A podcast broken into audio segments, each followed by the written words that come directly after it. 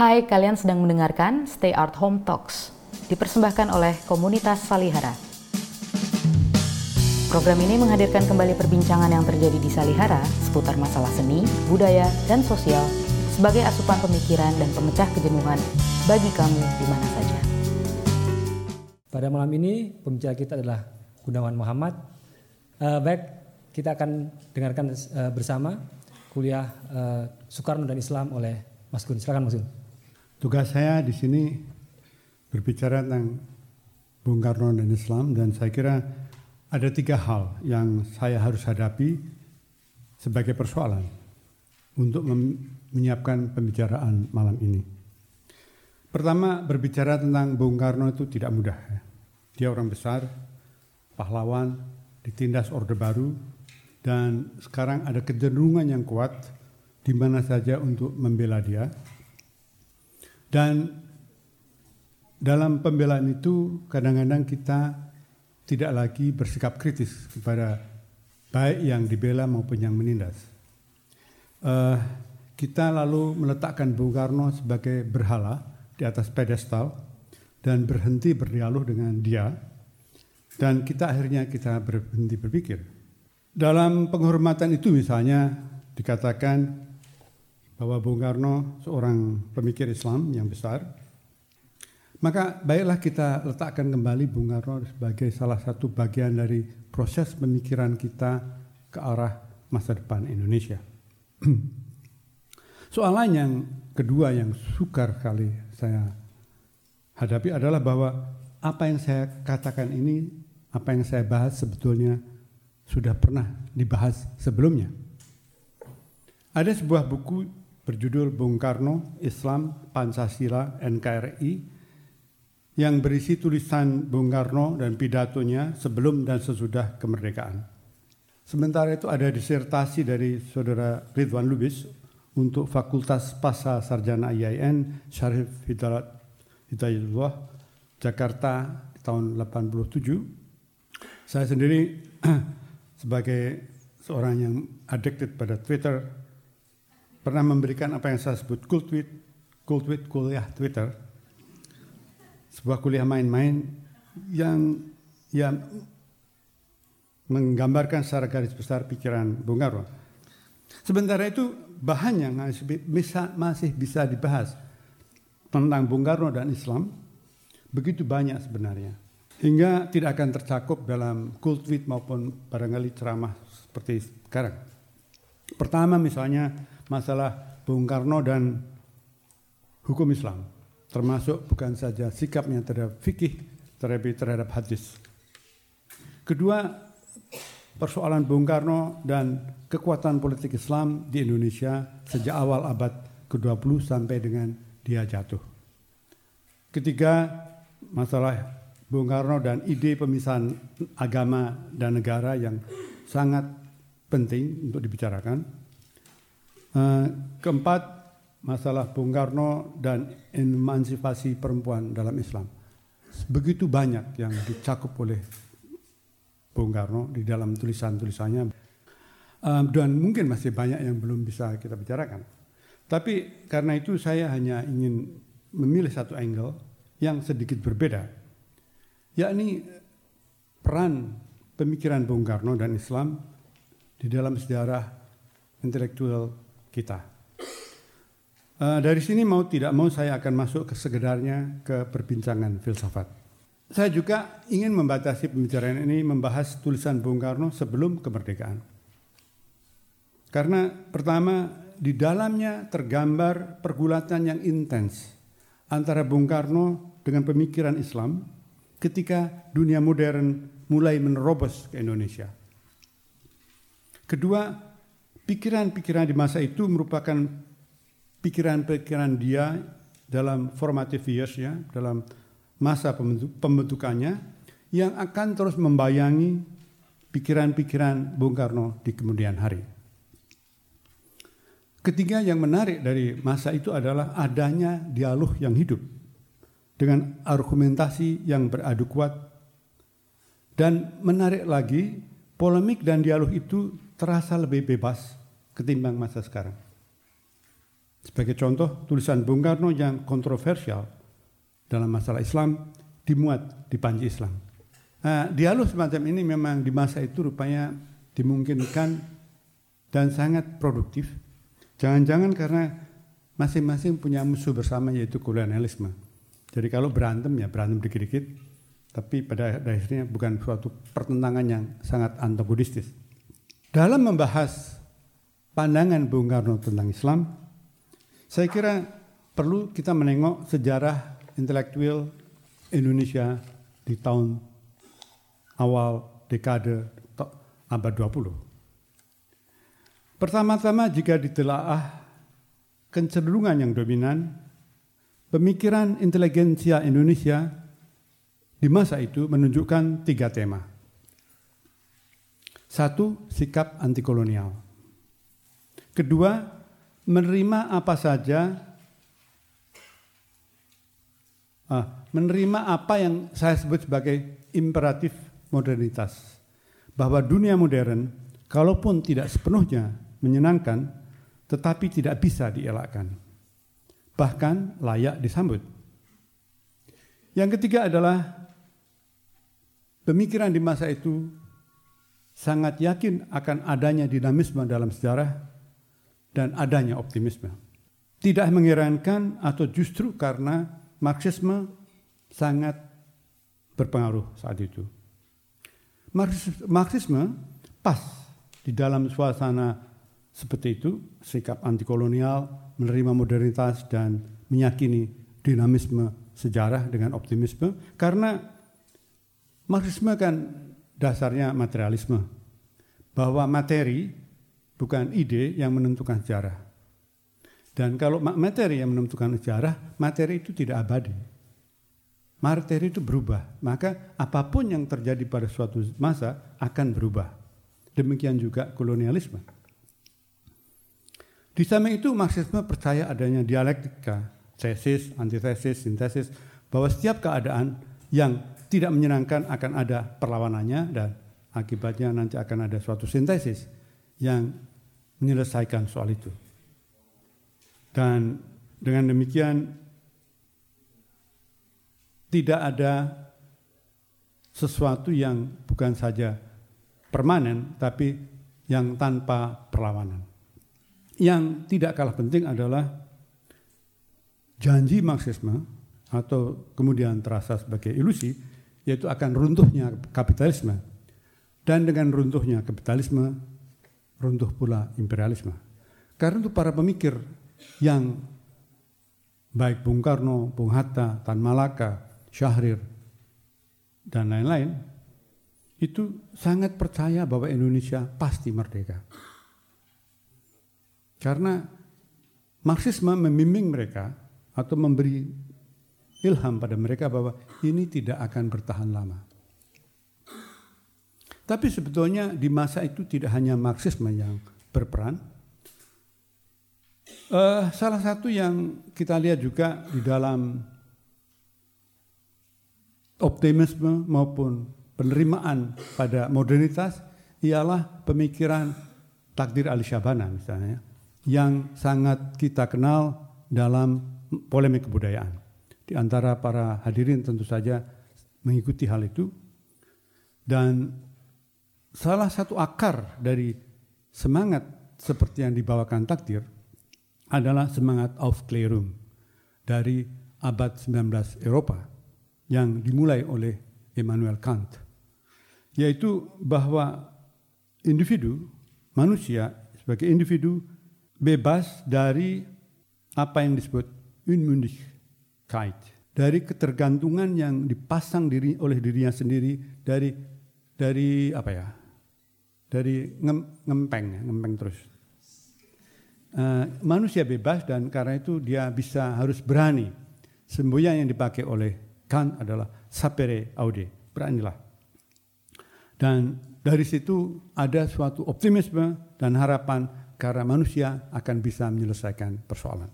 Tentu saja pada akhirnya akan ada kekecewaan di sini, tapi itulah yang membayangi Aufklärung atau pencerahan atau enlightenment dan yang kemudian merembes masuk ke dalam pemikiran Indonesia.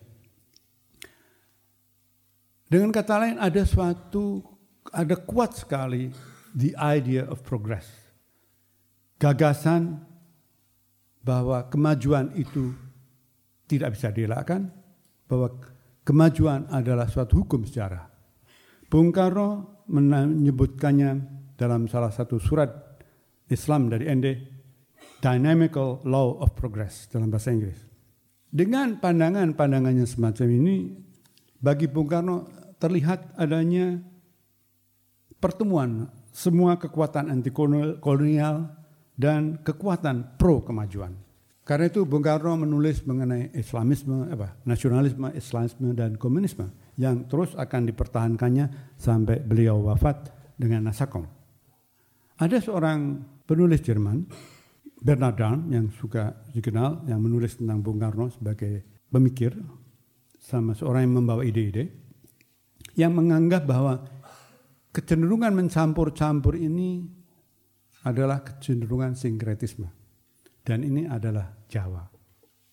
Sebetulnya ini kesalahan besar. Kritik saya pada BAM adalah dia ini bersifat orientalistis. Bagi saudara-saudara yang belum paham apa itu orientalisme, saya terangkan sedikit bahwa orientalisme itu biasanya dianggap sebagai memalsukan Islam atau bertolak dari menentang Islam dan sebagainya. Tapi sebetulnya orientalisme itu adalah sikap dari sarjana-sarjana barat mengenai timur, mengenai apa yang disebut timur, timur juga nggak jelas ya, uh, seolah ditangkap dalam satu diskurs. Seakan timur itu sudah bisa dikerumuskan, more or less ya. Dan seolah timur itu satu, tunggal, dan tidak berubah. Seakan-akan ada hakikat timur. Dalam kenyataannya tidak demikian. Kalau Bernard Dam mengatakan bahwa Bung Karno itu Jawa, dia mencampur adukkan Bung Karno yang lahir di Surabaya, besar di dalam pendidikan Belanda, ELS dan HBS, aktif dalam pergerakan nasional, seolah-olah sama saja dengan Mangkunegoro keempat di Solo, yang sama sekali tidak ada hubungannya dengan HBS maupun anti kolonialisme. Lagi pula Bung Karno sebagai seorang modernisator pernah mencerca apa yang disebutnya our culture mania. Mania kepada kebudayaan lama. Di sini Bung Karno betul-betul mirip dengan takdir Al-Syabana, pelopor pujangga baru, dan bahkan mirip dengan surat kepercayaan gelanggang. Dia, meng, dia mengecam orang-orang yang pikiran dan angan-angannya yang angan pikiran dan angan-angannya hanya merindui candi-candi, negara Kertagama, emputan tular dan panuluh, dan lain-lain barang kuno. Ini suatu sikap yang mirip dengan yang kita sebut dalam yang disebut dalam surat kepercayaan gelanggang menolak mengelap-lap kebudayaan lama. Nah, bagi Bung Karno, zaman dulu itu indah, tapi sudah mati. Jadi kalau dikatakan Bung Karno adalah penerus dari apa yang disebut Jawa, sementara Jawa itu tidak pernah jelas. Ada Jawa Timur, ada Jawa Tengah, ada Jawa Pekalongan, ada Jawa Banyumas. Uh, maka Dam sebetulnya menyederhanakan persoalan. Nah, saudara-saudara sekalian, karena itu apa yang menyebabkan Bung Karno mempertemukan Islamisme, nasionalisme, Marxisme? Tidak lain karena ada kenyataan-kenyataan sosial historis di masa itu. Pertama karena semangat anti kolonialisme itu suatu yang universal pada saat itu. Di share, dirasakan oleh banyak pihak atau hampir semua pihak yang di luar kekuasaan dan yang di luar kekuasaan itu luas sekali.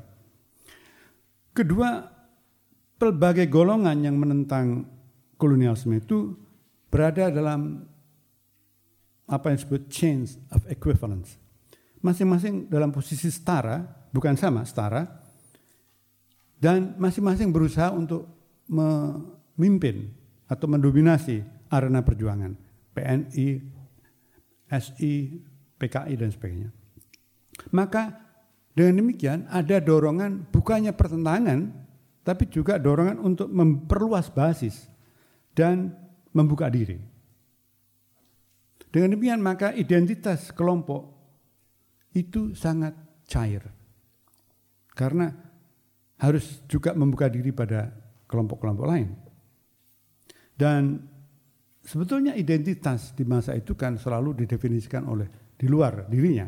Identitas selalu didefinisikan dari di luar dirinya. Kalau saya orang Jawa atau orang Indonesia, saya mengatakan itu di hadapan orang Malaysia.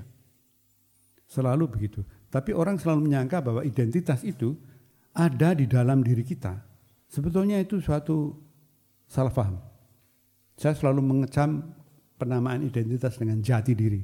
Seolah ada diri yang sejati yang kita ketahui. Kita tidak tahu. Nah, karena itu identitas sebenarnya di masa itu didefinisikan oleh perbedaan dan perlawanan di antara kelompok-kelompok. Tapi seperti saya katakan tadi, pertentangan antar kelompok yang sama-sama anti kolonialisme adalah pertentangan yang non antagonistis. Ini istilah-istilah Mao Zedong. Ada kontradiksi yang antagonistis, ada kontradiksi yang non antagonistis. Yang antagonistis dengan penjajahan Belanda, yang non antagonistis misalnya antara Serikat Islam dengan PKI. Mereka bertengkar keras tapi sebetulnya uh, bukan suatu pertentangan harus hidup dan mati dan juga masing-masing anggota saling berdekatan. Juga pertentangan kelompok-kelompok itu kan tidak didukung oleh suatu konflik sosial yang mendalam dan lama.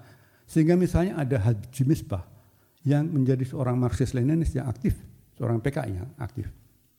Ada suatu buku mengenai itu oleh siapa? Zaman bergerak itu. Ya, orang Jepang siapa? Lupa. Ah, Takashi Shiraishi. Itu layak dibaca. Uh, dengan kata lain, apa ya mudah sekali untuk mempertemukan banyak aliran di masa itu tanpa disebut sinkretisme Jawa. Itu hanya dorongan-dorongan sosial historis yang ada. Bahkan teosofi, gerakan teosofi. Saya sebut dalam mengenai teosofi karena ayahnya Bung Karno kan penganut teosofi.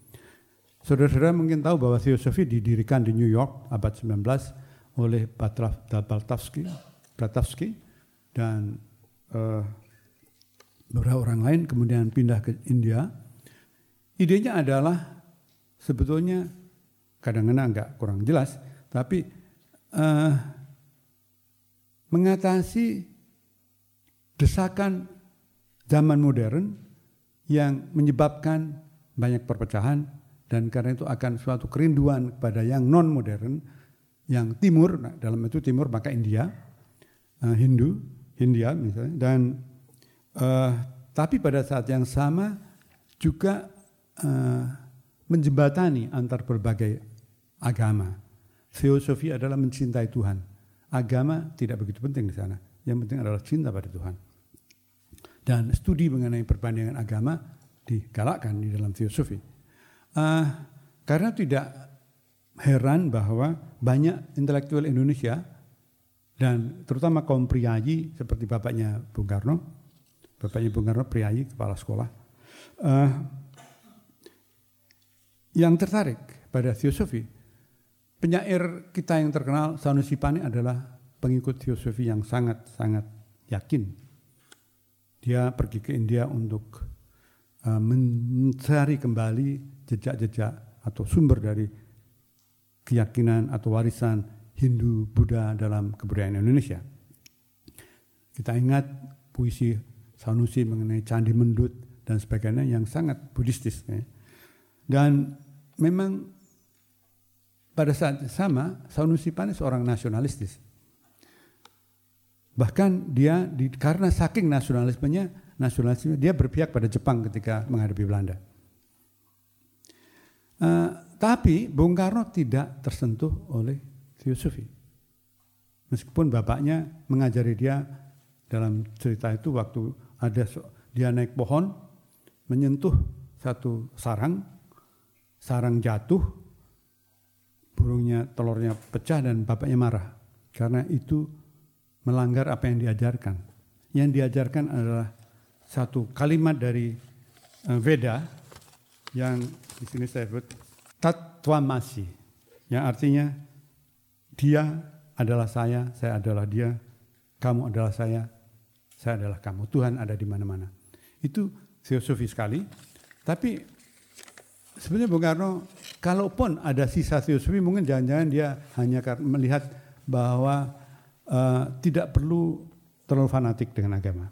Tapi yang penting adalah Bung Karno tidak pernah dekat dengan gerakan teosofi karena gerakan teosofi itu sebetulnya meskipun disambut di mana-mana di, di Indonesia sangat konservatif. Uh, di saya tulis di sini bagaimana di Jakarta ada Taman Blavatsky, di Bandung ada Taman Olcott, di Semarang ada lapangan Ani Besan, semuanya tokoh-tokoh filosofi dan uh, tapi sangat konservatif. Ketika Dr. Cipto Mangunkusumo dan Ki Hajar Dewantoro dibuang, pemimpin teosofi seorang Belanda yang anggota Volksraad menyalahkan karena bagi orang ini Jawa dan Nederland harus satu. Maka tidak heran bahwa kaum kiri sangat benci teosofi sehingga dijuluki tai sapi. Bung tertarik pada Marxisme dan itu di terekspos pada dia sejak dia muda sebelum umur 15 17 eh, tahun di HBS oleh seorang gurunya bernama Hartog, seorang sosial demokrat. Rupanya di sekolah-sekolah Belanda yang bagus itu ada juga guru-guru yang berpandangan sosial sosialis dan me, menyadari perlunya komunikasi dan men, mengilhami anak-anak muda Indonesia tentang ketidakadilan ketidakadilan kolonial berdasarkan teori Marxisme. Nah, di situ dia mulai tertarik, tapi tidak hanya itu kan. Di kita tahu Bung Karno tinggal di Indekos di rumah Cokroaminoto dan di sana ada tokoh-tokoh yang kemudian jadi tokoh komunis uh, Semaun, Alimin, Alimin yang mengajarkan Marxisme pada Bung Karno. Dan hmm, dengan demikian dia melihat bahwa sangat dekat pada Marxisme. Dan Bung Karno pernah menulis, saya bersyukur pada Tuhan bahwa menanamkan Marxisme masuk ke dalam diri saya. Luar biasa. Uh, tapi memang suasana eklektik, suasana yang dari mana semua unsur diterima, itu ada di dalam Cokroaminoto. Serikat Islam itu kan berasal dari Serikat Dagang Islam, tapi kemudian menjadi gerakan politik dan karena menjadi gerakan politik, dia seperti saya katakan tadi menampung dari banyak unsur. Haji Agus Salim dalam satu buku, dalam satu pidato yang dikutip oleh Dawam Raharjo dalam bukunya yang bagus, namanya mengenai intelijensia Islam. Uh, Haji Agus Salim mengatakan SI ini, Serikat Islam ini bukan untuk orang Islam saja. Ini untuk semua golongan. Dan Cokraminoto minatnya itu adalah persatuan. Islam baru datang kemudian pada dia, dia sendiri kan lulusan Osvia, seorang priayi tinggi, kalau lulusan Osvia kan akan jadi pamung praja yang tinggi, tapi kemudian meninggalkan itu. Dan ilmu Islamnya kan tidak begitu dalam. Uh, dalam SI sendiri kemudian baru kemudian diundang Kiai Haji Ahmad Dahlan untuk mengadakan ceramah. Uh, Cokro Aminoto sendiri memberikan kuliah uh, di di Syarikat Islam itu ada kursus-kursus. Ini bagusnya, berbeda dengan partai sekarang. Sekarang partai sekarang tidak ada kursus. Uh, nah, kursus-kursus ini Cokro Aminoto mengajarkan Marxisme dan Hamka dalam memoirnya mengenai Cokro Aminoto mengatakan bahwa uh, pandangan Cokro Aminoto tentang Marxisme sangat baik. Ya uh, bahkan Marx dan Engels itu menjelaskan apa yang sudah dikatakan oleh Nabi Muhammad kata Cokro Aminoto kepada murid-muridnya antara yang didengar oleh Hamka.